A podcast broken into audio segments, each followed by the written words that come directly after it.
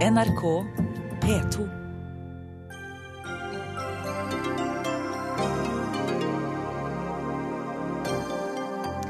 Arbeiderpartiet lover 20 milliarder kroner til skolebygg og 6-10 nye byggeprosjekter i helsesektoren.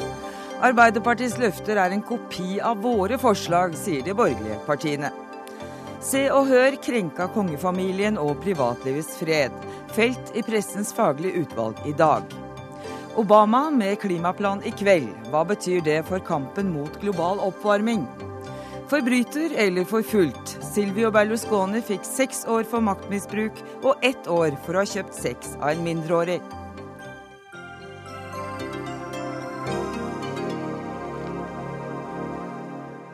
Velkommen til Dagsnytt 18 her i NRK2 og NRK P2. I studio Eva Nordlund.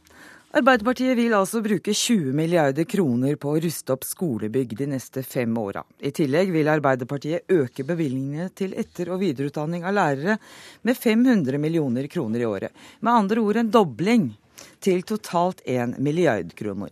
Dermed skal 3500 lærere få utdanning, eh, videreutdanning hvert år. Og Trond Giske, næringsminister fra Arbeiderpartiet, du er med oss fra Bodø, og det er du som har utarbeida Arbeiderpartiets skolepolitikk. Dere vil altså ruste opp skolebygg for 20 milliarder kroner. Og hvor mye opprusta skole får du for 20 milliarder? Altså, hva vil dere oppnå med den investeringa? Ja, Den ordninga vi innførte den gangen jeg var utdanningsminister, har jo nå med 25 milliarder gitt eh, opprustning, oppgradering av ca. 1300 skoler. Så vi regner med at de 20 milliardene som skal brukes de neste fem årene, kan gi nye 1000 skoler eh, en skikkelig oppgradering til beste for lærere og elevers arbeidsmiljø, men først og fremst for å fylle skolen med kunnskap, eh, trivsel og gode arbeidsforhold. Slik vi skaper resultater i skolen, og mye viktigere enn å bruke pengene på skattekutt. Med 500 eh, millioner kroner mer til eh, etterutdanning av lærere skal altså 3500 lærere få, få, tilbud om etter- og videreutdanning hvert år. Er det ikke sånn? 3500? Jo, eh, ja. på videreutdanning. Etterutdanning er mange mange flere, men det er ofte mindre kurs. Og, Så det er videreutdanning? Ja, videreutdanning ja. Som, på, på høyere utdanningsnivå. Hvor stor andel av lærerne er det? Hvor mye dekker dere av behovet, for å spørre sånn? Ja, Vi så vel i fjor at det var 4000 som søkte om videreutdanning, så det er nært opp til den søkningsandelen som har eh, vært. Man kan jo regne med at etter hvert som tilbudet utvides, så er det flere som søker. og Særlig vet vi at en del som er i lærerstillinger som eh, ikke har lærerutdanning, særlig i enkelte distriktskommuner. Dem er det særlig viktig å gi et uh, løft. Mm. Men det er klart, uh, hvis du holder det nivået noen år, så kan du ta, ta unna mye av dette. Og gjøre det også mer attraktivt for lærerne å bli i skolen, og øke kompetanse- og kunnskapsnivået på lærerne, som er ifølge alle undersøkelser det viktigste for å skape en kunnskapsskole. Skolebyggene skal finansieres ved at kommunene låner penger, ikke sant? og så skal staten betale renta. Ja, Det er jo en dobbelthet i dette. da, Både ved at uh, staten stiller kapital til rådighet og dekker renteutgiftene, men selvsagt samtidig at vi sørger for at kommuneøkonomien er så god at uh, skoleeier, som er kommunen, uh, mm. kan bruke egne penger også på å investere i skole og lærere. For Vi må gjøre begge deler. Det hjelper ikke med statlige støtteordninger hvis de store pengene går til skattekutt, istedenfor å sørge for at kommuneøkonomien er i orden. Mm. Eh, Ketil Solvik-Olsen, finanspolitisk talsmann for Fremskrittspartiet. Eh, dette høres ut som gode forslag? Det er mye godt i dette. Faktisk så godt at både Frp og Venstre som sitter ved siden av meg her, foreslo det samme i budsjettet, men da stemte Arbeiderpartiet imot. Derfor er jeg ganske glad for at eh, forslagene kommer. Akkurat det samme? Veldig mye det samme. Vil dere også lånefinansiere skoler i kommunene? Vi mener at det er bedre enn ingenting sånn som i dag. Men det beste hadde vært om du hadde et statlig investeringsselskap som investerte i skolebygg, som investerte i helsevesenet, istedenfor å låne pengene ut til Danmark. Fordi at det er et poeng. Når Giske gjør seg høy og mørk her og skryter av at nå kan han bruke 20 milliarder kroner, så er det lånte penger. Du får ikke låne de av statskassen, du låner de ute i markedet. Og Mye av den kapitalen kommer fra utlandet. og Da ender vi opp med det som vi òg gjør på veibygging. Vi låner penger fra utlandet til høy rente, og låner våre egne oljepenger ut til utlandet til lav rente. Og Det er litt meningsløst. Men det er bedre Det er bedre at vi får oppgradert skolebyggene på denne måten, at det ikke skjer i hele tatt. Der er jeg enig med Trond Giske. Han skulle bare gjort det når Venstre og Frp foreslo det tidligere. Giske, statlig investeringsselskap som betaler, det, er, det høres ikke det litt bra ut i Arbeiderpartiet-ører? Nei, jeg tror det er veldig klokt at det er hver enkelt kommune som eh, bestemmer investeringene i skolen. At det er Oslo som styrer skolestrukturen i Oslo, at det er Trondheim som styrer i Trondheim og Bodø som styrer der. Eh, å gjøre skolebyggene statlig, det mener jeg er helt feil. Men det viktige spørsmålet er jo å sørge for at dem som pusser opp skoler, har penger nok. Eh, og Det som er spesielt med eh, vårt forslag, er at vi sier ikke bare hva vi er for, eh, altså bruke penger på helseinvestering, skole, på sykehus og på lærerutdanning. Men vi sier også hva vi er imot. At vi mm. sier nei til 25-100 milliarder i skattekutt. Fra Frp hører vi stort sett bare hva de er for, men det går ikke an å gi 100 milliarder i skattekutt uten at det går utover noen ting. Og jeg er redd det går der, utover elevene og eh, de pleietrengende. Og der sørga du for at vi må slippe til Ketil Solvik-Olsen. Ja, fordi at Vi viser jo i vårt reviderte statsbudsjett som vi legger fram hvert år, hvordan vi prioriterer dette. Og Vi kutter i byråkrati en del unødvendige oppgaver. Skole, helse, alltid det som vi prioriterer opp. I tillegg til at vi finner rom for skattekutt for å stimulere folk til å jobbe, næringslivet til å investere. Og det skaper verdier på sikt. Venstreleder Trine Skei Grande, velkommen. Takk. Hva syns du? Skal kommunene låne til skolebygg, og staten betale renta, eller skal det være skal betale for det. Ja, Det som, som, Arbeiderpartiet har foreslått i dag, er ganske presist det som lå i vårt alternative statsbudsjett. Og Det får det til å høres mye ut med 20 milliarder. I dag er det 15 milliarder. Og så har vi foreslått å øke det med 5, sånn som regjeringa. Det koster noen titalls millioner. Så det, det, er ganske mye mer å rutte med i det hvis det regnestykket til Trond Giske skal slå til. Men, men eh, også er det kjempebra at de har snudd. Det tok bare 89 timer, vi har hørt det. Fra dem, fra dem stemte imot disse forslagene i revidert, til de da stemmer er for dem i dag. Og Det er kjempebra, men det de ikke har skjønt, det er at eh, skolepolitikken trenger ganske mye endringer. Og det er heller ikke med bare etter- og videreutdanning. Skal du virkelig løfte læreryrket, så trenger du en femårig lærerutdanning. Du trenger etter- og videreutdanning, men du trenger også en avbyråkratisering av yrket. Du trenger en sertifiseringsordning. Det er mye du må gjøre hvis du skal gjenreise respekten for læreryrket. Og ettersom Arbeiderpartiet har prøvd seg som en sånn bidel av piratpartiet i dag med å prøve å stjele andres ideer, som jeg er veldig for. Altså, for jeg er veldig for når folk blir enige med meg. Men så må de skjønne hele pakka. Hele pakka må, handler om å gjenreise respekten for læreryrket. Giske, var det sånn da at du, du venta til stortingsrepresentantene hadde forlatt kontorene sine for sommeren, og så gikk du inn og stjal forslagene? Altså Den eh, ordninga med å gi statsstøtte til skolebygg, den var det jo faktisk eh, jeg som innførte den gangen jeg var kunnskapsminister. så den Men økningen, var, ja, den økningen som Venstre ville ha, som du vil ha nå, hva var det 89 Hvor mange timer sa du, Trine? Nei, det, nei, det er noen, ti, er noen titalls millioner det kreves. Det var, det var, nok ikke så lett. Det var ikke så vanskelig å si det var ikke så vanskelig, det var ikke så vanskelig å si nei til 5 milliarder når vi visste at vi kom til å foreslå 20 milliarder over helga. Så nei. dette handler om hva vi skal gjøre de neste ti årene. Nå må du være litt redelig med tall at jeg synes Det som er ryddig av Venstre, det er jo at Venstre, i likhet med oss, sier at vi må opprettholde skattenivået i sine alternative budsjett. Så har jo ikke Venstre disse 100 milliardene i skattekutt som Frp har. Men det, har Men det, som, det, som blir, det som blir vanskelig, er jo hvis Siv Jensen blir finansminister i Norge og skal gi disse 100 milliardene i skattekutt som er i FrPs program, eller de 25 da, som er i Høyres eh, program, hvordan skal vi finne pengene til etterutdanning for lærere? Hvordan skal vi gjenreise stoltheten for lærerne? Hvordan skal vi pusse opp skolebygg?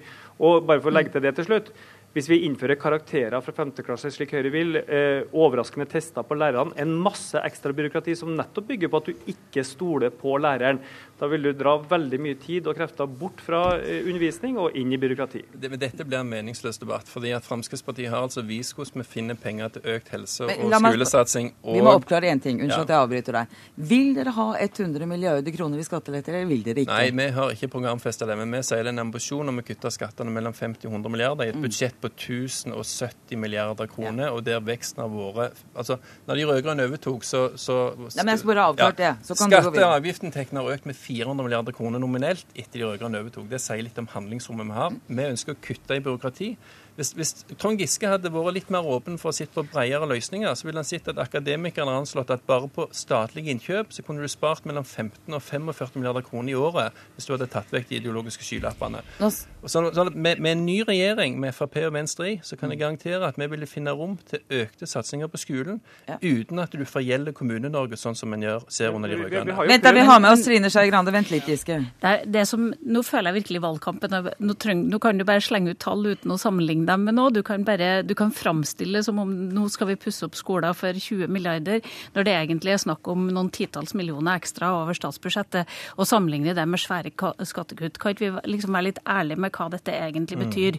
Mm. og så, og så synes, Det jeg syns er dumt i norsk politikk, og som jeg syns har vært dumt under hele flertallsregjeringa, er at man ikke verdsetter gode ideer. At man stemmer Altså, denne regjeringa ble til fordi at de hadde slagordet 'vi skal stemme for det vi er for, og mot det vi er mot'. Og nå mm. de på makta med det motsatte slagordet, nemlig at de skal stemme mot det de egentlig er for. For det var det de gjorde på fredag. Og da hadde de jugekors på ryggen, for i dag mente de noe annet. Det skal vi snakke litt mer om etterpå, Trine Skei Grande. Men vær så god, Giske. Nei, jeg tror jo at eh, det er helt fair at vi går inn i en valgkamp og sier hva vi tenker å gjøre de neste fire årene. Og vi er veldig for å kutte i byråkrati, men hver eneste krone vi sparer ved å ha en mer effektiv eldreomsorg, en, bedre, en mer effektiv skole, skal vi bruke på å gi bedre trygghet og pleie til de eldre og bedre skole til de unge, ikke til skattekutt til de rikeste. Og Der går den dype skillelinja mellom Frp-høyreregjering og en fortsatt rød-grønn regjering. Det, det, er jo faktisk helt feil, for jeg kan garantere at med en ny regjering med Frp, Høyre, Venstre og KrFI, så skal vi finne rom for å satse mer på skole, på helse det er andre områder Frp kutter i, og det burde du være ærlig nok til å innrømme. at Vi kan godt ha en diskusjon om hvordan en skal finansiere bistand, landbruk og den type ting, men skole og helse har alltid vært satsingsområde til alle opposisjonspartiene. og Ikke gi inntrykk av noe annet, det er uredelig. Vi prøvde i fire år. Erna Solberg var kommunalminister med Frp på slep. Da hadde vi altså 30 milliarder i skattekutt, og vi hadde norgesrekord i kommuner på Robek-lista, altså gjeldsfortynga kommuner, som ikke hadde råd til å satse på skole og helse. Men, men, så dette vet vi jo. Det er ikke nye løsninger, det er gamle men du, løsninger. Men du har hatt, altså Dette en regjering som har hatt all verdens handlingsrom. De har nesten hatt en fordobling av statsbudsjettet mens de har sittet og styrt. De bare skryter av at de har brukt mer penger. Men hvis vi tar skoledebatten, da, vær litt ærlig med prioriteringene. Så hva er det denne regjeringa har prioritert? Jo, de har prioritert flere timer, enda vi vet hvor mange ufaglærte som er i norsk skole. De vil mot heldagsskolen. De har prioritert leksehjelp med ufaglærte, og de har prioritert frukt- og grøntordning. Det er fair enough, det er liksom greit. Men da må vi diskutere på det nivået. Og jeg mener at man skal ha prioritert helt andre ting. Og jeg mener at hvis du skal skjønne utfordringa i norsk skole, så handler det om å få flere gode lærere inn i klasserommene.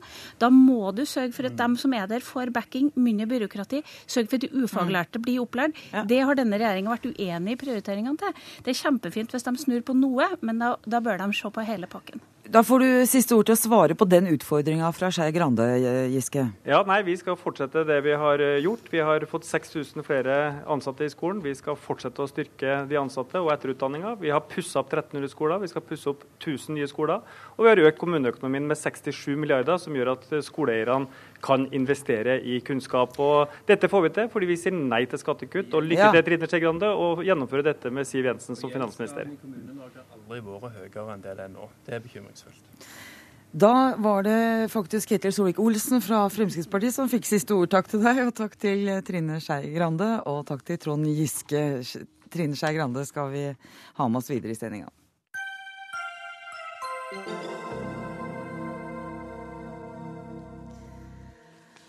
Arbeiderpartiet lover seks til ti nye byggeprosjekter i helsesektoren. Fullføring av åtte åtte igangsatte byggeprosjekter og store investeringer i IKT i helsesektoren. Vi vet det skal bygges i Buskerud, Østfold og Møre og Romsdal. Og helseminister Jonas Gahr Støre fra Arbeiderpartiet. Igjen, dersom disse planene blir satt ut i livet, hvordan vil Helse-Norge forandres da? Hva får en for penga? Ja, Vi har ganske høy investeringstakt i norske sykehus i dag. Når vi ser framover, så ser vi behov for fortsatt å ruste opp på en del områder og bygge nytt på en del områder. Og Nå er det som du sa, åtte store prosjekter i gang. Jeg er nå i Bodø, hvor ett av dem pågår, her ved sykehuset i Bodø. Jeg har vært i Tromsø, hvor det også pågår eh, bygg. Eh, og I neste periode så kan vi se for oss at det kommer i gang en seks til åtte nye slike prosjekter. Og det er klart at Et nytt sykehus i Buskerud, et nytt i Møre og Romsdal, psykiatribygg i eh, Trondheim, for å nevne noe, det er store prosjekter som gir bedre tilbud til befolkningen. og Det er det riktig å investere i, og det er en forlengelse av den samtalen du hadde i første post av programmet. Det må vi bruke de store pengene på, og det er det vi har snakket om i dag. Eh, hvilke andre steder i landet enn de nevnte fylkene vil vi se nye sykehus? Ja, nå har vi jo på gang Jeg tror ikke jeg skal dra hele lista her, men altså, dette er jo basert på de planene som man legger rundt om i helseregionene for å møte befolkningens behov. Vi går i gang med et helt nytt sykehusbygg i Kirkenes eh, i 2015. Når det gjelder nordregionen, så ligger jo også eh, Narvik og Hammerfest på tur eh, på slutten av tiåret. Eh, vi har forbedringer ved Haukeland, ved Stavanger-sykehuset, eh, Kristiansand. Eh, for ikke å snakke om Oslo universitetssykehus, jo, som er et stort sykehus, og hvor mye samlokaliseringsarbeid skal gjøres. Så Poenget her er at vi må få til en investeringstakt som gjør det mulig å gi pasientene gode tilbud, og så det mulig, gjør det mulig å møte en befolkning på flyttefot. Og Det tror jeg er et av de største mm. utfordringene vi har i vårt land fremover. Det er at folk flytter. Eh, og vi skal kunne møte det med gode eh, sykehustilbud. Så dette stiller veldig store krav til vår evne til planlegging mm. og vår evne til investering. Og disse utvidede lånerammene som vi nå gir, og vår vilje til å legge penger i budsjettet, for det er jo det det til syvende og sist handler om, mm. så skal vi klare å gjøre det løftet. Eh, til dette med å fullføre igangsatte prosjekter, eh, Støre. Det, det, er kanskje ikke alle som blir imponert over at en skal ferdigstille igangsatte prosjekter. Jeg trodde kanskje det var sånt politikere tok ansvar for. Jo, men det er jeg helt enig i, programleder. slik at jeg sier at De igangsatte prosjektene får nå litt lettere finansiering en del av dem, for det er lengre nedbetalingstid. Mm. Og så er det mulig å gå inn i en seks-ti nye prosjekter. Så nevnte du IKT. Det er et veldig viktig felt hvor vi skal fullføre et investeringsløft slik at vi sier endelig farvel til telefaksen og får en sømløs kommunikasjon. Og så er det ett felt til. Hva, er sømløs kommunikasjon? Er det e-post? Ja, det er elektroniske meldinger. Det betyr at uh, kommune, fastlege, sykehus kan kommunisere. Det betyr lovendringer, slik at ulike sykehus kan utveksle informasjon. Og så er det et tredje felt som du ikke nevnte, og det er medisinsk teknisk utstyr. Ja. Det har en levetid på en sånn gjennomsnittlig 10-15 år. Nå har det utstyret over tid blitt eldre. Og vi ønsker å snu den kurven, slik at vi går i retning av å ha mer moderne. Det er også en stor investeringsutfordring og kommer til å prege sykehusbudsjettene i de årene som kommer. Bent Høie, du er helsepolitisk talsmann for Høyre. Og du mener å dra kjensel på noen av disse forslagene? Ja, det, det, er lett å kjenne igjen sin egen politikk når den blir presentert av andre. Og det er veldig positivt. Ingen sure miner for det. Eh, I motsetning til at dette er et utspill fra Arbeiderpartiet, så har jo vi klart å samle enighet om dette mellom alle de fire partiene som ønsker å samarbeide etter valget. Både Høyre, Venstre, KrF og, og Fremskrittspartiet var mm. enige om dette allerede i november i fjor. Eh, så, så, det er positivt, og det vil bidra. Men det er ikke dette er ikke tilstrekkelig til å møte alle de utfordringene som helseministeren nå eh, beskrev. Det kan jeg få lov å bare avbryte ja. litt? For jeg, det er så fristende å spørre eh, Jonas Gahr Støre. Kommer disse forslagene for å nulle ut det løfteforspranget som de borgerlige partiene hadde? Du, altså Norgesmesterskapet i løfteforsprang må de gjerne vinne. Ja, de er jo inne i det nå. Jo, jo, men, ja. men altså, eh, jeg, jeg, jeg, tror Bent Høie og jeg kan være glad for de områdene hvor vi er enige med å gjøre ting. For vi vil det beste for Sykehus-Norge. Ja, det vet jeg han også vil. Men la meg bare si det. Jeg går ikke til Høyres budsjetter for å finne forslag. Jeg går til Sykehus-Norge. Og jeg samler opp informasjon. Og så ser jeg også på hva kan disse bære. Og da vi overtok sykehusene fra, nei, vent, da vi overtok sykehusene fra Høyre, så var det et milliardunderskudd i sykehusene. Nå er det balanse. Nå kan de investere. Vær så god, Bent Høie. Altså det siste, Jonas Gahr Støre, du vet utmerket godt eh, historien bak det, og ikke minst Arbeiderpartiet sitt betydelige ansvar for den situasjonen sykehusene var i på det tidspunktet. Så det skal vi ikke, den historiediskusjonen skal vi ikke ta nå. Men det som òg er viktig å få på plass for å lykkes med mye av det som Jonas Gahr Støre her beskriver, som vi er helt enig i, det er jo å få på plass det som vi har tatt til orde for, eh, nemlig en nasjonal helse- og sykehusplan i, i, Stortinget, som er mye mer operativt, som beskriver disse prosjektene, ikke minst når de skal eh, fases inn.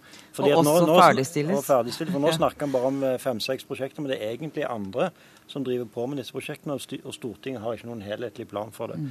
Eh, så er det jo interessant å avskaffe faksen på sykehusene, men eh, en fakser jo til noen. En fakser jo til kommunene. Og det hjelper ikke bare å avskaffe faksen i den ene enden hvis en ikke avskaffer faksen i den andre enden. Og de ti milliardene eh, over fem år som vi har vært enige om at staten skal bidra med mm. for å avskaffe faksen, den handler òg om å avskaffe faksen i kommunene. Men nå ble jeg litt i stuss. Har ikke kommunene datautstyr, da? Nei, altså det er jo noe av utfordringen og grunnen til at faksen er re, eh, har fått sin eh, renessanse igjen, er jo at eh, den brukes jo i kommunikasjon, ikke minst mellom sykehusene og kommunene i forbindelse med Samhandlingsreformen. Mm. Eh, sånn at det hjelper ikke å avskaffe faksen på sykehusene hvis du ikke òg avskaffer faksen i kommunen. Betyr det at Høyre vil bruke enda mer penger, da? ja, vi har jo da, ja eller nei? Ja, vi har jo da sammen med eh, Fremskrittspartiet, KrF og Venstre foreslått en egen egen investeringspakke på 10 milliarder kroner, som finansieres på samme måten som den pakken som regjeringspartiene i dag la fram på skole, på 20 mm. milliarder, nettopp for å få plass dette både i kommunene og i sykehusene. Lån som eh, staten betaler renta på? Lån som er rentefrie i, i de første årene, ja, og som mm. er også avdragsfrie. Eh, Støre, du er jo i Bodø, så eh, du skal bare informeres om at nå skal Trine Skei Grande sitter fortsatt her, Venstre-lederen, så nå skal hun få slippe til, for du får ordet igjen. Vær så god, Skei Grande. Nei, jeg mener jo at hovedutfordringa i forhold til helse handler jo mye mer sammensatt enn bare dette med, med bygg. Og jeg må si at som, som, etnisk trønder, så er det å høre regjeringa igjen for vel tredje valgkamp love psykiatribygget i Trondheim, eh, er ikke så veldig tillitsvekkende.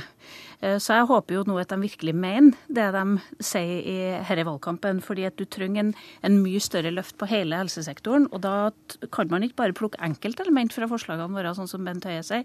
Da må du faktisk se på helheten hvis du skal klare å komme i mål med de utfordringene som vi har. Vær så god, helseminister Jonas Gahr Støre. Den store helsedebatten det handler om vår evne til folkehelse og forebygging. Det skal vi ta når vi nærmer oss valget. Det vi la fram i dag, det var jo eh, en, en, en ambisjon om investering istedenfor å gi disse pengene ut i store skattelettelser. Og det samme som ble sagt i forrige debatt, Trine Skei Grande må jo tenke seg om.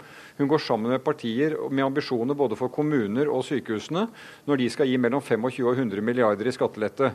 Vi er altså villige til å investere i dette. I Helse Midt-Norge har de nå tatt en avgjørelse om at prioritet nummer én er nytt sykehus i Møre og Romsdal. Samtidig kan vi også få nytt psykiatribygg i Trøndelag. Grunnen til at vi kan det nå, er at det er orden i sykehusenes økonomi. I 2005, da vi overtok, var det milliardunderskudd. Nå har men vi, vi tar ikke historien nå, Nei, men, Støre. vi rekker ikke. Men, men, poenget er at du må ha orden i huset for å mm. kunne investere nytt. Ja, det har vi nå, og derfor du, kan vi gjøre dette. Hvis det er mulig å få et kort svar, så har jeg et spørsmål. Eh, dere lover noe sånt som, eh, hvis jeg regna riktig, 18 byggeprosjekter. Bedre datasystemer eh, og opprusting av, av bygg, altså. Hva blir regninga for dette totalt? Har du regna på det? Ja, altså F.eks. et nytt Buskerud-sykehus, nytt Møre og Romsdal-sykehus. Det har ikke kommet inn i søknad til departementet ennå, så vi kan ikke sette en, en, prislapp på det. Vi bruker nå 115 milliarder på sykehusene i året. Det er mye. Mm. Det kommer til å øke i tiden som kommer. Vi har lagt inn 12 nye milliarder i sykehusene de siste åtte årene. Mm. Jeg tror vi kommer til å måtte holde en høyere takt framover for å kunne ivareta befolkningens behov og god behandling i sykehus. Altså, den, denne, denne, motsetningen mellom skattelette og, og, investeringer i helseskole, som både Giske hadde i forrige debatt og som Støre nå, den uh, henger ikke sammen. Sist uh, Høyre og Venstre satt i regjering sammen, så reduserte vi skattenivået med om lag 25 milliarder. Samtidig så investerte vi mer i skole, mer i sykehus. Vi reduserte sykehuskøene med 70 000 ja. pasienter. Vi reduserte ventetiden. Men poenget er at etter det har aldri skatteinntektene til Norge vært høyere, nettopp fordi mm. det var vekstfremmende skatteletter vi òg den gang gjennomførte. Takk til deg, Bent Høie, helsepolitisk talsmann i Høyre. Takk også til helseminister Jonas Gahr Støre fra Arbeiderpartiet, som har vært med fra Bodø. Eh, takk så langt til deg, Trine Skei Grande. Du skal være med litt til.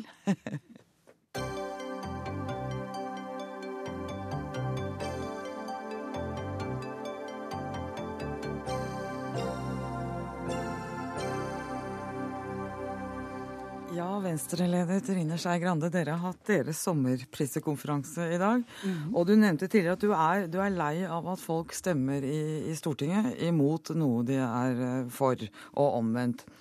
Og du sa under pressekonferansen i dag at av 286 forslag som Venstre fremma de siste ni dagene i Stortinget, er det riktig? Mm. Det er en del forslag på ni dager. Ja, du får mye for stemmen din hvis du stemmer på Venstre. Men da var det to forslag som fikk flertall. Ja. Eh, og det var selv om Fremskrittspartiet, Høyre og Kristelig Folkeparti stemte for forslagene dine i 40 av tilfellene. Mm -hmm. Og dette har gjort deg kraftig provosert. Ja, for jeg mener at for meg handler politikk om å finne de gode ideene, de gode politiske grepene for å håndtere utfordringer som samfunnet oven, står overfor. Og La oss ta folkehelsemeldinga, som, eh, som, helseministeren nevnte. Den er nesten blotta for tiltak. Det er 500, nei, det er 200 helsesøstre et eller annet sted inni den. Eller så er det nesten ingen tiltak. Og da tenkte vi OK, da legger vi frem elleve forslag på tiltak. Konkretiserte, Konkretiserte tiltak vi kan gjøre for å bedre folkehelsa generelt hos folk. Mm. For det, jeg mener at det er det politikk handler om. Å ha de gode forslagene, og at de gode forslagene kan bæres fram. Og hvem som foreslår dem, er da egentlig ikke så viktig. Det er forslaget i seg sjøl som må ha den drivkraften. Og vi har hatt masse forslag på skole, miljø, alle de næringsliv, alle kjernesakene til Venstre, men opplever at eh, de stemmer imot på autopilot, og egentlig stemmer stemmer imot også ting de, jeg vet at de er for. Og som de fremmer noen dager senere. Og som de fremmer noen dager senere. Det siste er ikke, er ikke så provoserende. For jeg syns alltid det er bra når folk er enige med en. Men, men det flertallsregjeringa har gjort, er å legge en litt sånn klam hånd rundt det å skape ideer rundt politikk. Det å lage prosesser i et storting der man utvikler gode løsninger for samfunnet. Eh, hva er det som gjør at du forventer større gjennomslag ved å gå inn i en borgerlig regjering? Mildt sagt så blir Venstre Eller mildt sagt og Venstre blir Vi skal nå ha et valg først. Mm -hmm. Men du kan risikere at Venstre blir veldig lillebror eller lillesøster der. Og, og kjøttvekta rår jo ofte i en sånn samarbeidsregjering også. Ja, men det er det velgerne som bestemmer. Jeg må huske at Vi stemmer ikke på statsministeren i Norge, vi stemmer faktisk på regjeringa. Og hvis folk da ønsker en regjering som er grønnere enn, og ikke bare blå, hvis de ønsker en regjering som tar fattigdomsutfordringa på alvor, og som tar de ideene til Venstre for å bekjempe fattigdom, som har den lærersatsinga som helhet, som jeg snakka om tidligere i debatten, ikke bare se ett forslag for seg sjøl, men skjønn hvordan du skal løfte læreryrket til å bli et veldig viktig yrke for alle som ønsker, ønsker seg en utdanning senere i livet. Eh, det å ta de grepene for at små næringsdrivende skal få muligheten til å skape bedrifter. Så Virke i går la fram, la fram tall som viser til nettopp disse smågründerne. Veldig mange damer som driver butikker, som nå begynner å slite. og Da må vi se på hvilke virkemidler vi har på det. Og Det har vi lagt fram i løpet av den siste fireårsperioden og også det siste året. Og da ser vi hvilke partier vi får flertall sammen med. Det er mye med Høyre og KrF, og Høyre, KrF og Venstre. Også Eh, også Fremskrittspartiet? Ja, Fremskrittspartiet har stemt for mange av våre forslag. Ikke sant. Men du foretrekker å være med i en regjering der de ikke er med? Er liksom... Jeg tror kanskje det er lettest for Venstre å få gjennom politikken sin med Høyre, KrF og, og Venstre. Men vi ser f.eks. på skolepolitikken. Så har vi hatt mye hjelp av Frp. Personvern. Da står Venstre og Frp nærmere enn vi gjør med Høyre, som gikk mm. for datalagringsdirektivet. Eh, innenfor dyrevelferd, som kanskje ikke er en sånn stor politisk sak, men som er veldig viktig for mange som velger, mm. så har vi stått sammen. Så dette går litt på kryss og tvers, men jeg er bare opptatt av at politikk handler om å få til noe. Mm. Å få flertall for noen viktige saker framover, og se de utfordringene samfunnet står overfor. Og jeg blir lei av høre diskusjonen om hva gjorde dere i fjor. Jeg vil vite hvilken idé man har for å gjøre noe for framtida, og så syns man skal verdsette ideer.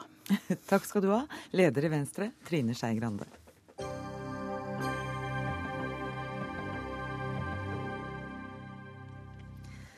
I dag har Pressens faglige utvalg behandla kongefamiliens klage på Se og Hør. Kongefamilien klaga inn ukeblad for brudd på god presseskikk. Bladet hadde bl.a. trykket bade- og feriebilder av kongefamilien, og tok bilder av kongebarna gjennom portene på kongsgården. Se og Hør ble i dag dømt eh, av PFU. De legger vekt, PFU legger vekt på at Se og Hør ikke har respektert privatlivets fred. De har heller ikke tatt hensyn til konsekvensene medieomtalen, medieomtalen kan få for kongebarna. Og redaktør i Se og Hør, Ellen Arnstad, hvordan var det å få bli dømt på dette punkt? Eh, jeg er nok ikke helt enig i din karakteristikk av at vi er felt på alle punkter, for det er vi faktisk ikke. Sa jeg alle punkter? Jeg tror jeg nevnte de punktene. Ja, du sa at vi er felt. Eh, ja, vi er felt på noen punkter, men vi er også frikjent på noen punkter. Og mm. et meget viktig punkt for oss er jo et prinsipielt område i forhold til St. Barts og de feriebildene eh, som ble tatt av kronprinsfamilien. Hva slags man... bilde var det for de som ikke har sett disse bildene? Nei, Det er en, en reise på et helt spesielt sted i verden, en helt spesiell øy, som er tett med superstjerner og fotografer på, i romjulen. Det har i dag PFU sagt at vi hadde, var i vår fulle rett til å fotografere uten samtykke, og at dette da er en type reportasje der hoffet ikke kan regissere, som de ofte gjør i offisielle sammenhenger. Og det var en viktig prinsipp. Så er vi felt på andre områder som vi selvsagt tar til etterretning og skal jobbe med tiltak. Og det med barna er vi opptatt av. Det mener jeg er et viktig punkt som selvsagt Se og respekterer, og andre norske medier også må respektere. Hilde Hausgeir, du leder Pressens faglige utvalg, PFU. Hva har Se og Hør gjort gærent? Nei, Det var jo en ganske omfattende klage. Mm. Se og Hør ble dømt på seks ulike bestemmelser i Varsom-plakaten i fem innenfor fem forskjellige reportasjer de hadde publisert. Mm. Så jeg går ut fra at Se og Hør kom, redaktør og redaksjon kommer til å ha en intern gjennomgang av dette. Og Det var ganske stort spenn over det. Det dreide seg alt til mer håndverksmessige ting som dessverre medier ofte blir felt for. At de ikke hadde sjekket fakta godt nok og ikke hadde ivaretatt den samtidige imøtegåelsesretten. Til den, eh, det forholdet Ellen snakker om nå, som handlet om vår bedømmelse av hvor stor offentlig interesse hadde det. Hvor viktig var det å vise Eh, eh, badebilder, bikinibilder, familielivbilder fra en strand mm. i eh, Karibien opp mot hvor langt inn i eh, kongebarnas og kronprinsfamiliens private sfære var det de da gikk. Og mm. da var det et flertall på fem av syv medlemmer som mente at Se og Hør gikk for langt i en totalvurdering av den bildeserien som de der brakte. Mm. Hvorfor gjorde dere det? Jeg vil gjerne kommentere det med omfang, og det har jeg sagt offentlig i dag også. Jeg har stor respekt for PFU. Det er en viktig og flott selvdømmeordning. Men jeg må få lov til å si at jeg syns det er problematisk, og jeg merket meg jo dissensen som da pressens egne medlemmer kom med i forhold til å dømme omfang. Det har jo ikke vært gjort før. Eh, I forhold til eh, at det er redaktør, et redaktørområde som eh, jeg mener Jeg tror i hvert fall mediene selv må debattere, særlig redaktører, i forhold til redigeringsrett og også sjangerforståelse forståelse. Ukeblader og magasiner bruker flere bilder. Det er ingen nyhet uh, i henne og andre magasiner som jeg har jobbet i. Så det, hadde det kanskje vært 20 sider. Så jeg syns at det er problematisk. Men uh, jeg respekterer jo selvsagt det PFU i dag har sagt. Ja, det er jo problematisk fordi dere bruker uh, veldig mye bilder i, i magasinet. Da legger det jo føringer for dere. Det kan vi komme tilbake til. Men først skal Hilde Hausgjerd Ja, Nei, vi har ikke sagt noe at det ikke var lov å bruke i seg selv mange bilder eller mange sider. Det vi sier, er at den helheten av veldig eh, bilder tett på et familieliv i badetøy og bikini, mm. i en intime situasjoner, altså med klapp og sånn som man lever i en familie, og det store omfanget, og at de ikke var klar over at de var blitt fotografert. Det er mm. den eh, den totaliteten ved publiseringen som vi eh, kritiserer. Og det var jo da også en redaktør og en journalist som var med på å felle på det punktet. Mm. Ja, er det sånn at du ikke tar til deg kritikken fordi du er uenig? Jo, jeg tar til meg kritikken. Det har jeg, jeg har uttalt meg, vært tilgjengelig for alle norske medier i hele dag. Og jeg har også hatt et allmøte med redaksjonen hvor vi har gått gjennom punktene raskt. Jeg Hva blir må, konsekvensene for uh, Vi skal jobbe med tiltak som uh, alle norske redaktører må gjøre når de blir felt. Og 414 mm. er jo et verstingepunkt. Jeg har jo sittet i styret i Norsk Redaktørforening i mange år og har bl.a. vært med på en kampanje der vi mener at 414 bør utryddes. Ja, men det er ikke alle som er inne i disse punktene. Nei, men det er samtidig imøtegåelse forståelse. Ja. Og det handlet jo om, en reportasje rundt kostnadene til denne reisen, hvor hoffet og Se Hør ikke ble enige om fakta her. Eh, og, da, eh, og vi hadde ikke latt hoffet få samtidig imøtegåelse på denne saken. Mm. Det burde vi gjort. Og jeg, eh, vi tar det absolutt etterretning, og mm. håper også at hoffet åpner seg i forhold til å være i reell dialog med mediene rundt dette. Det, da ligger den der. Ja. Imøtegåelse, det er vi alle enige om. Skal, sånn skal det være. Sånn skal vi pressefolk holde på. Men så er det det andre som Hilde Hausgjerd var inne på. Dette med at det blir massivt. Det blir mye for mye. Eh, og du snakka om dette møtet dere har hatt. Hva, hva vil endres, Se og Hør nå? Hva, altså, hva, vil, hva, vil, journalistene få beskjed om å tenke om ut fra denne beslutningen i PFU? Ja. Dette var jo én sak som ble vurdert, og det er jo det som er viktig i PFU, at det var den ene saken som ble felt. Eh, det er jo vanskelig på bakgrunn av den saken å lage hypoteser fremover. Men, 99... Nei, men hvis det skal få konsekvenser nå? Eh, konsekvensene nå er jo at selve fotograferingen og at det ikke kreves samtykke av Norges mest offentlige familie i visse situasjoner. Og det er som Hilde sier, det er jo en helhet og en totalvurdering. Derfor var dette et komplekst saksforhold. Eh, at det er mange, mange, mange elementer. Det, jo, det var jo ikke en hvilken som helst badeferie.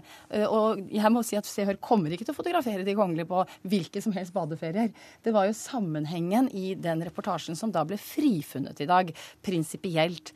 Eh, men jeg jo, mener jo absolutt at norske redaksjoner kan helt sikkert forbedre seg på flere områder. Sitatrett i dag ble vi frifunnet på. Ja, jeg spurte om Se og Hør, for de andre redaksjonene får vi ta ansvar for ja, selv. Ja, men jeg, jeg, svarer deg og sier mm. at jeg har hatt allmøte. Det var det første jeg ja. gjorde etter møtet i dag. Jeg var jo til stede på, under, under, behandlingen og, og, fikk med meg alt. Eh, og eh, vi skal forbedre de punktene der man er eh, felt, helt klart. Jeg tror det som er, kanskje er, er, bra å si, det er jo at presseetikken som annen etikk, det er jo ingen oppskriftsbok som man kan slå opp i, og så kan man liksom lese ut svaret. Det er veldig stor grad av ulike aktverdige hensyn som skal veies opp mot hverandre. Mm. Nyhetsinteresse, samfunnsinteresse opp mot privatliv.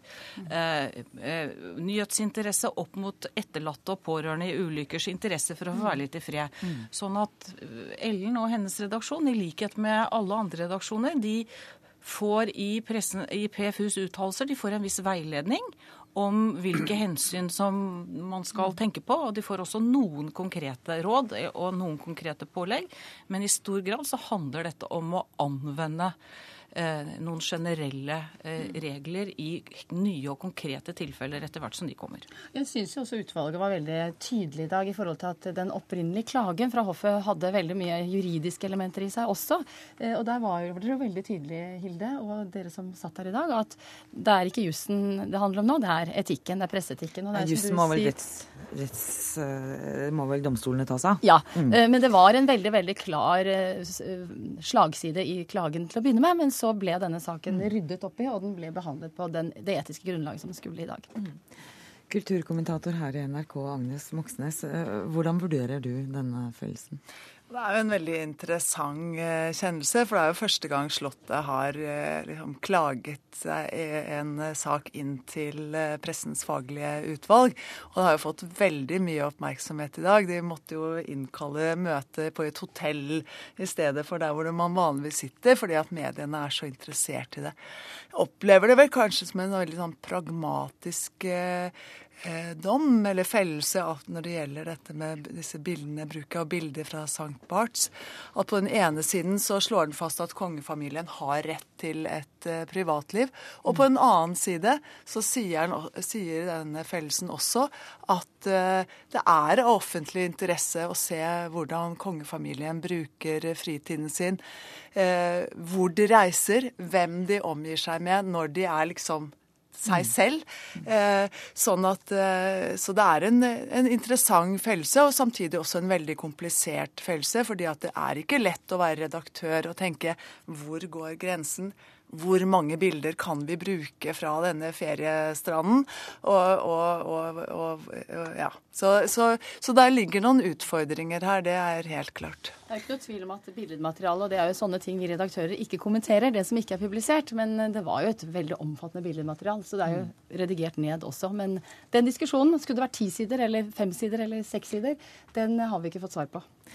Statsviter Karl Erik Grimstad, hvordan eh, ser du på denne behandlingen i PFU og resultatet? Jeg tror eh, på mange måter så var det en historisk dag i, PFU i dag. Jeg syns eh, at vi har sett PFU på sitt aller beste. Det har vært en fantastisk godt utformet klage. En veldig, veldig godt tilsvar fra, fra Se og Hør. Og debatten i dag var mønstergyldig. Eh, og vi så jo også at utvalget beveget litt på sekretariatets innstilling eh, underveis, og beveget på den i etter mitt skjønn riktig retning. Hva betyr det? Nei, Det betyr at altså, PFU er sammensatt av fire representanter for pressen og tre fra allmennheten. Og, og, jeg mener nok at de fleste i dag eh, kan være enige om at, at det var vel allmennhetens representanter som førte til, og deres synspunkter, som førte til at, at denne uttalelsen ble skarpere mot eh, Se og Hør enn en det eh, sekretariatet i PFU hadde lagt opp til. Det syns jeg, eh, jeg, var riktig. Jeg syns det var riktig å få på plass dette her med, med fotografering på, i, det, i, dette omfanget. Uh, samtidig så må jeg si at det var jo egentlig Hilde Haugskjær her som, som, som, på mange måter frontet denne omfangsdiskusjonen. Mm. Og det mener jeg også er bra. Fordi, det er, eh, eh, fordi jeg tror jo at den subjektive følelsen av krenkelse, mm. altså som disse folkene som er utsatt for dette her, føler Forskjell på altså, ett bilde og sju? Ja, det er det. altså. De fleste av oss vil skjønne det. At når du har tolv bilder på trykk i bikini, så slår det hardere rett i, det slår deg midt i fleisen mm. eh, i, i, forhold til ett bilde som dokumenterer på en måte at du er på ferie i Karibien. Eh, slik at jeg, eh, jeg syns eh, det var et fornuftig prinsipp å, å, slå fast. Det har vel ikke PFU gjort på den måten tidligere, så vidt jeg har skjønt. Selv om jeg godt kan se at Ellen Arnstad har et poeng her. At når vi skal begynne å trekke denne skillelinjen, hva, er et stort omfang, og hva er det ikke? Da blir det vanskelig. Men dette var et konkret, et konkret tilfelle. Tolv mot ett bilde. Det holder. Arnstad. Jeg må presisere litt, for det blir uh, brukt et uttrykk om tolv sider med bikinier, og det er jo faktisk ikke korrekt. Bare så det. Tolv bilder? Uh, ja, ja, Men om det er tolv Det er i hvert fall ikke tolv bilder med bikini, og det mener jeg når vi, når vi nå først er her og skal være korrekte, mm. så må vi også være korrekte. Det var ulike badesituasjoner i vann og på strand, og det var på surfbrett med også surfeantrekk. Så da får vi være, si at det er badeantrekk av ulik karakter. Men jeg syns som sagt fortsatt at omfangsdiskusjonen er interessant, da. Helse. Ja, altså Det er en del år siden det kom inn en ny formulering i Vær varsom-plakaten om at vi skal eh, bedømme saklighet og omtanke i innhold og form. For Inntil for en del år siden så mente norske redaktører at PFU hadde ingenting med hvor, hvordan de brukte stoffet. Hvor stort det var, om det var på forsiden, innsiden. Altså. Men vi som har jobbet med presseetikk og møtt en del folk, vet jo at folk reagerer veldig forskjellig i forhold til om en opplysning bringes fram, om de får et bilde på trykk, eller om de er på forsiden og møter dem når de går til T-banestasjonen, eller om de blar fra side til side og det kommer nye ting om dem. Sånn at det, sånn er det. Jeg er lei for det, men tida er i ferd med å renne ut. Kokkevold, Kokkevold, generalsekretær Kokkevold i dag merket jo jeg meg selvsagt han mener jo ikke at bildene er krenkende. Og den debatten kan jo komme til å rulle fortsatt, selv om vi er felt. Absolutt. Grimstad Moxnes er lei for det. Det var Arnstad som da på sitt vis fikk siste ord her. Takk skal dere ha. Carl Erik Grimstad, Agnes Moxnes, Ellen Arnstad og Hilde Hausgjerd. Hør Dagsnytt 18 når du vil, på nettradio eller som podkast. nrk.no – dagsnytt 18.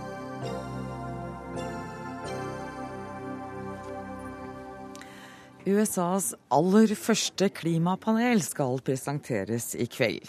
Når president Barack Obama om en eh, times tid skal holde en tale ved Georgetown University. Ifølge ryktene vil Obama sørge for strengere utslippskrav for kullkraftverkene. Og kullselskapene i USA merker allerede en kraftig nedgang på børsene. Og daglig leder i Miljøstiftelsen Zero, Marius Holm, velkommen. Eh, hvorfor kommer Obama med denne klimaplanen akkurat nå? Jeg tror eh, han eh, er klar for å sette sitt merke på, på amerikansk historie. Dette er jo en sak som Hvis han lykkes, så er det dette han kommer til å bli huska for. Det er ingen som om 20 år husker antiklimalobbyen fra kullindustrien, for da vil kullindustrien være på, på felgen. Men man vil huske Obama som presidenten som eh, klarte å snu amerikansk klimapolitikk. Hva sier Obama han vil oppnå med denne, denne planen? Hva er motivene sånn han legger de ut? Ja, jo, Han vil jo at USA skal ta lederskap i det som er den største globale utfordringen i vår tid. Og da har han eh, noen veldig lavthengende frukter. USA har veldig mange gamle kullkraftverk som er mm. svært forurensende, og som er ineffektive, og som er lite konkurransedyktige, egentlig. Det skal veldig lite virkemiddelbruk til før man tipper de ut av det amerikanske kraftsystemet. Ja, Og så har de vel fått seg litt mer gass? De har funnet eh, billig gass. Det mm. gjør at det er eh, billig å erstatte kullkraftverkene. Men det viktigste USA gjør, det skjer på delstatsnivå, hvor over halvparten av statene nå har tøffe fornybarmål som, som gjør at solenergi og vindenergi virkelig er i skuddet i store deler av USA. Der kom stikkordet. Terje Åsmundsen, velkommen, visepresident i Scatec Solar. Og dere, det er et selskap som driver med nettopp uh, utvikling av solenergi. Uh, jeg vil spørre deg, da, Hva tror du er årsaken, uh, mener du er årsaken til at Obama kom med klimaplanen akkurat nå?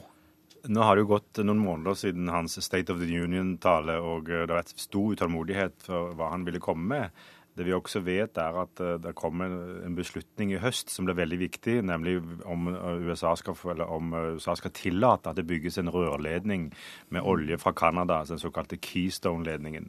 Mange regner med at Obama ikke vil våge å stoppe det prosjektet, som har veldig store mange støttespillere og at de tiltakene nå kommer, er for å vise at selv om han skulle komme til måtte si ja til det prosjektet, så står han, veldig, eh, så står han fast ved en veldig ambisiøs dagsorden på klimasiden. Men nå, unnskyld, men nå høres det ut som om denne klimaplanen er litt sånn en, en, en eh, hva skal vi si, manøvre for å ta lyset litt bort fra denne rørledningen som er så omstridt, også blant Obamas velgere, vel?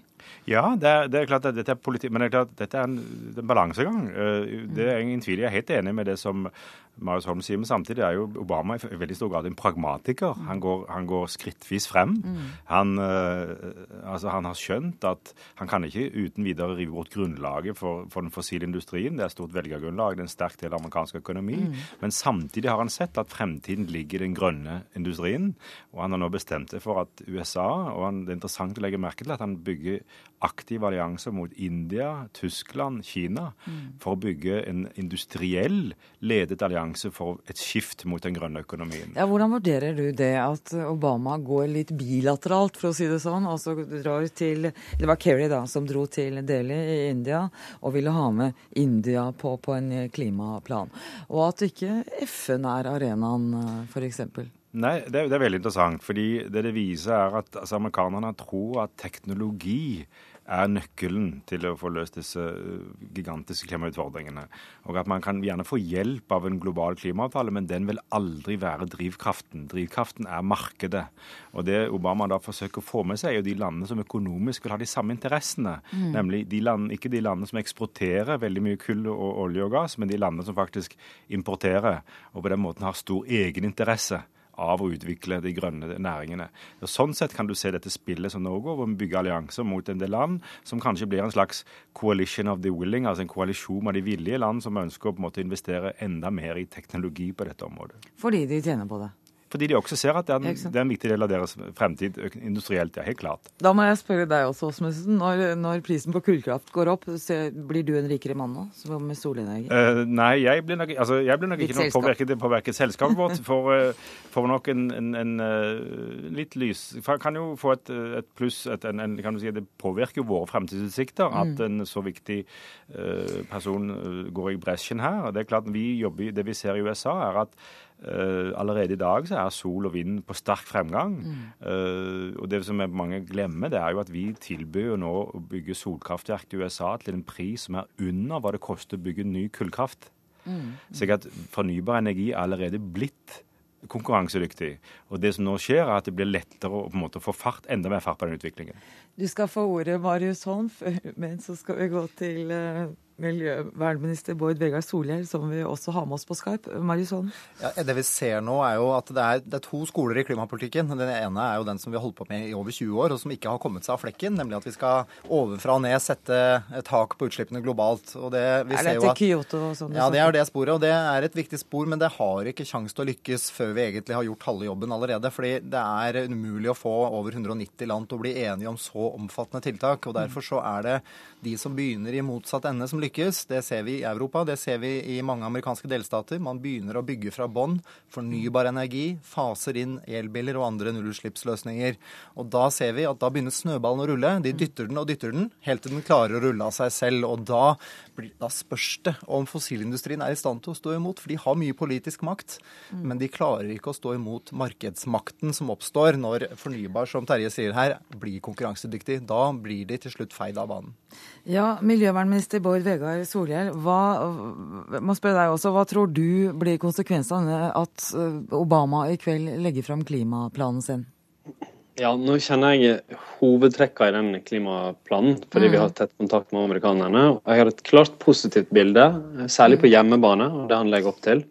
Men, Solhjell, det er veldig interessant i lys av det som Åsmundsen og Holm var inne på nå. Betyr det at du også må gå bilateralt til Obama for å ha påvirkning, og at du også begynner å se at Kyoto og FN og sånn tar for lang tid og ikke virker så godt?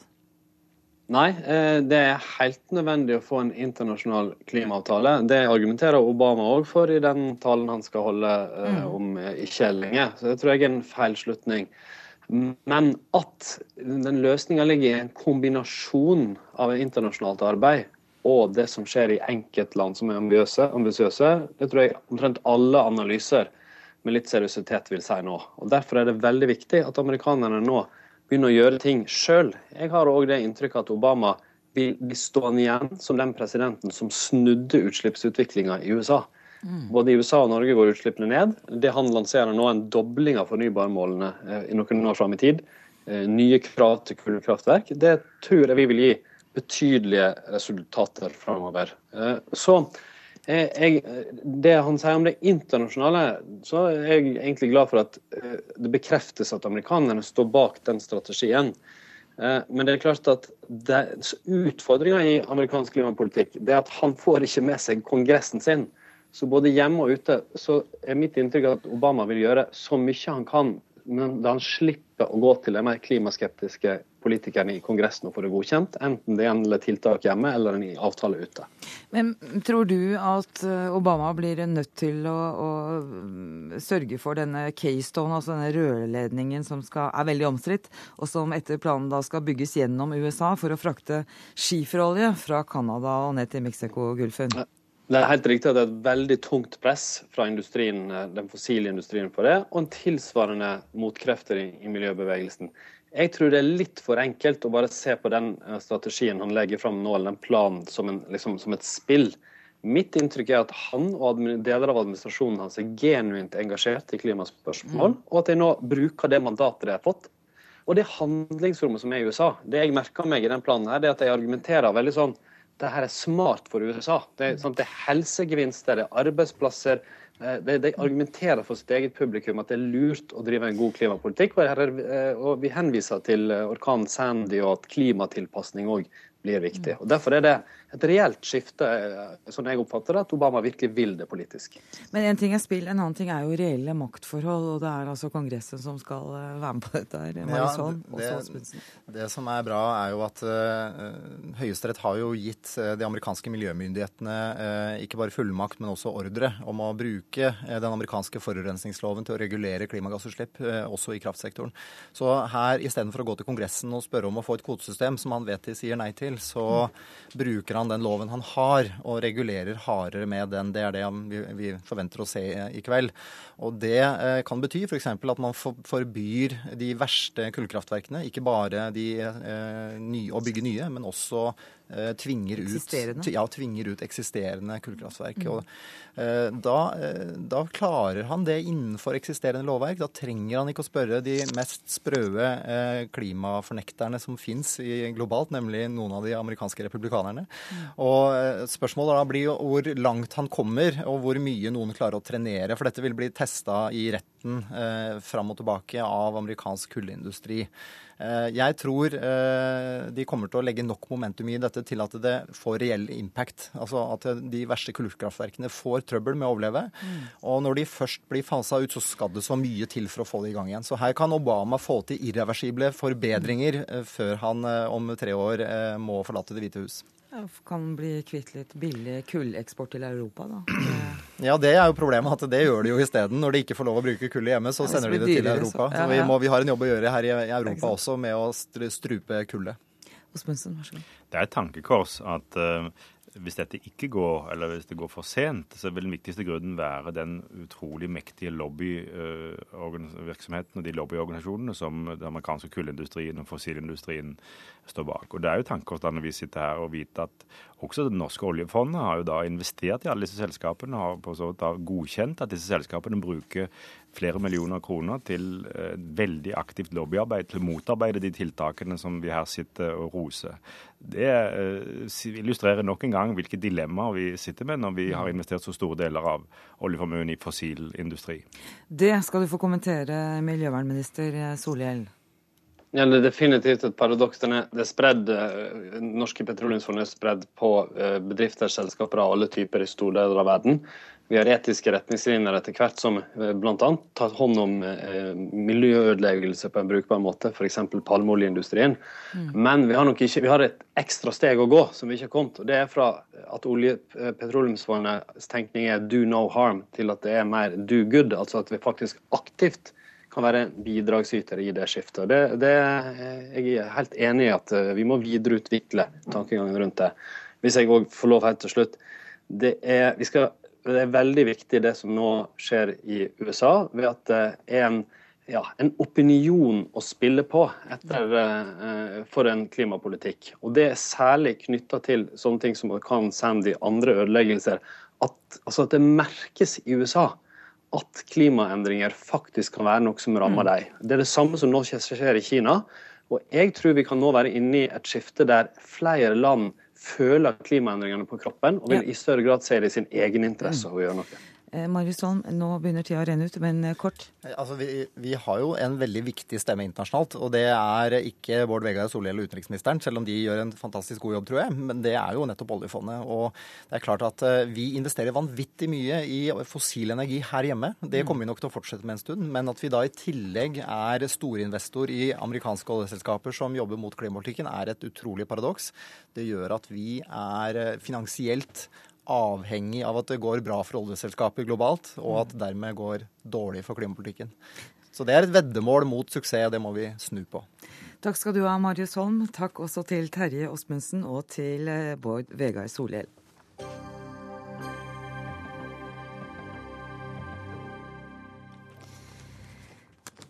Det var ikke det å ha hatt sex med en mindreårig som ga Silvio Berlusconi flest år i fengsel. Han ble først og fremst dømt for maktmisbruk fordi han ringte politiet og serverte en løgn for å få sin unge venninne Ruby på 17 år ut av arresten. Og førsteamanuensis i historie ved Universitetet i Oslo, født i Italia, Elisabetta Casina Wolff, velkommen. Er dette en politisk dom, slik Berlusconi påstår? Det er helt avhengig av hvordan man tolker det. Det er en dom, eh, først og fremst. Mm. Det var noen fakta på bordet som ble etterforsket, og så dommerne har kommet til konklusjonen at det gjaldt ulovligheter. Mm. Og straffen kom deretter. Uh, man kan tolke saken på mange forskjellige måter. Italia dessverre er nok en, nok en gang delt i, delt i to. og det er, de, det er de som forsvarer Berlusconi, det er de som, som er glad for dommen. Mange, må jeg si, er kanskje like, like gyldige. Berlusconi føler at han er forfulgt av rettssystemet. At mm. det, dette er en, en, måte for å bli kvitt ham i politikken. mange andre mener at det var på tide at han skulle få en dom Smekk. over sine, sine handlinger. Mm. Jeg tolker det slik at det er uansett Dette markerer sluttet på en epoke. Mm. Det begynte egentlig med altså i 2010-2011, da Berlusconi måtte si opp sin stilling som statsminister. Men nok en gang så markerer man slutt på en epoke, Berlusconi-epoken, som er blitt preget av den svære interessekonflikten. Mm. En milliardær, en TV-mogul som har dominert den italienske politikken i, i to tiår. Mm. Siden det er så mye snakk om politikk her, og vi hører og Berlusconi sitter jo fortsatt i parlamentet. Han gjør det. Ja. Men er, så lurer jeg på, er eh, det italienske eh, rettsvesenet mer politisert enn det norske? Og dette er en uh, stor debatt som ja, har foregått uh, Italia siden uh, slutten av krigen. rettsvesenet er en uavhengig organ mm. etter den italienske grunn, grunnloven. I etterkrigstiden må man si at rettsvesenet er blitt ikke okkupert, men det har vært mange fra mange representanter i rettsvesenet som, som, kom fra det kommunistiske eh, partiet. Mm. Toljatti ble justisminister etter at Togliatti var leder for det kommunistiske partiet, og var justisminister en kort tid etter krigen. Og han skjønte hvor viktig det var å ha la oss si, en viss innflytelse i rettssystemet. Men så en kommunistisk justisminister fikk plassert en del kommunister i systemet? Eh, man uh, studerer om ja. dette. Altså, vi, det, er, det, er, vår jobb som historiker, og det, det, er, uh, la oss si, det er et tema mm. uh, i, i, denne historiske forskningen.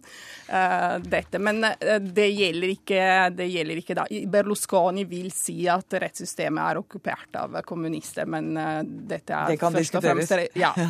Takk skal du ha, Elisabetta Casina Wolff.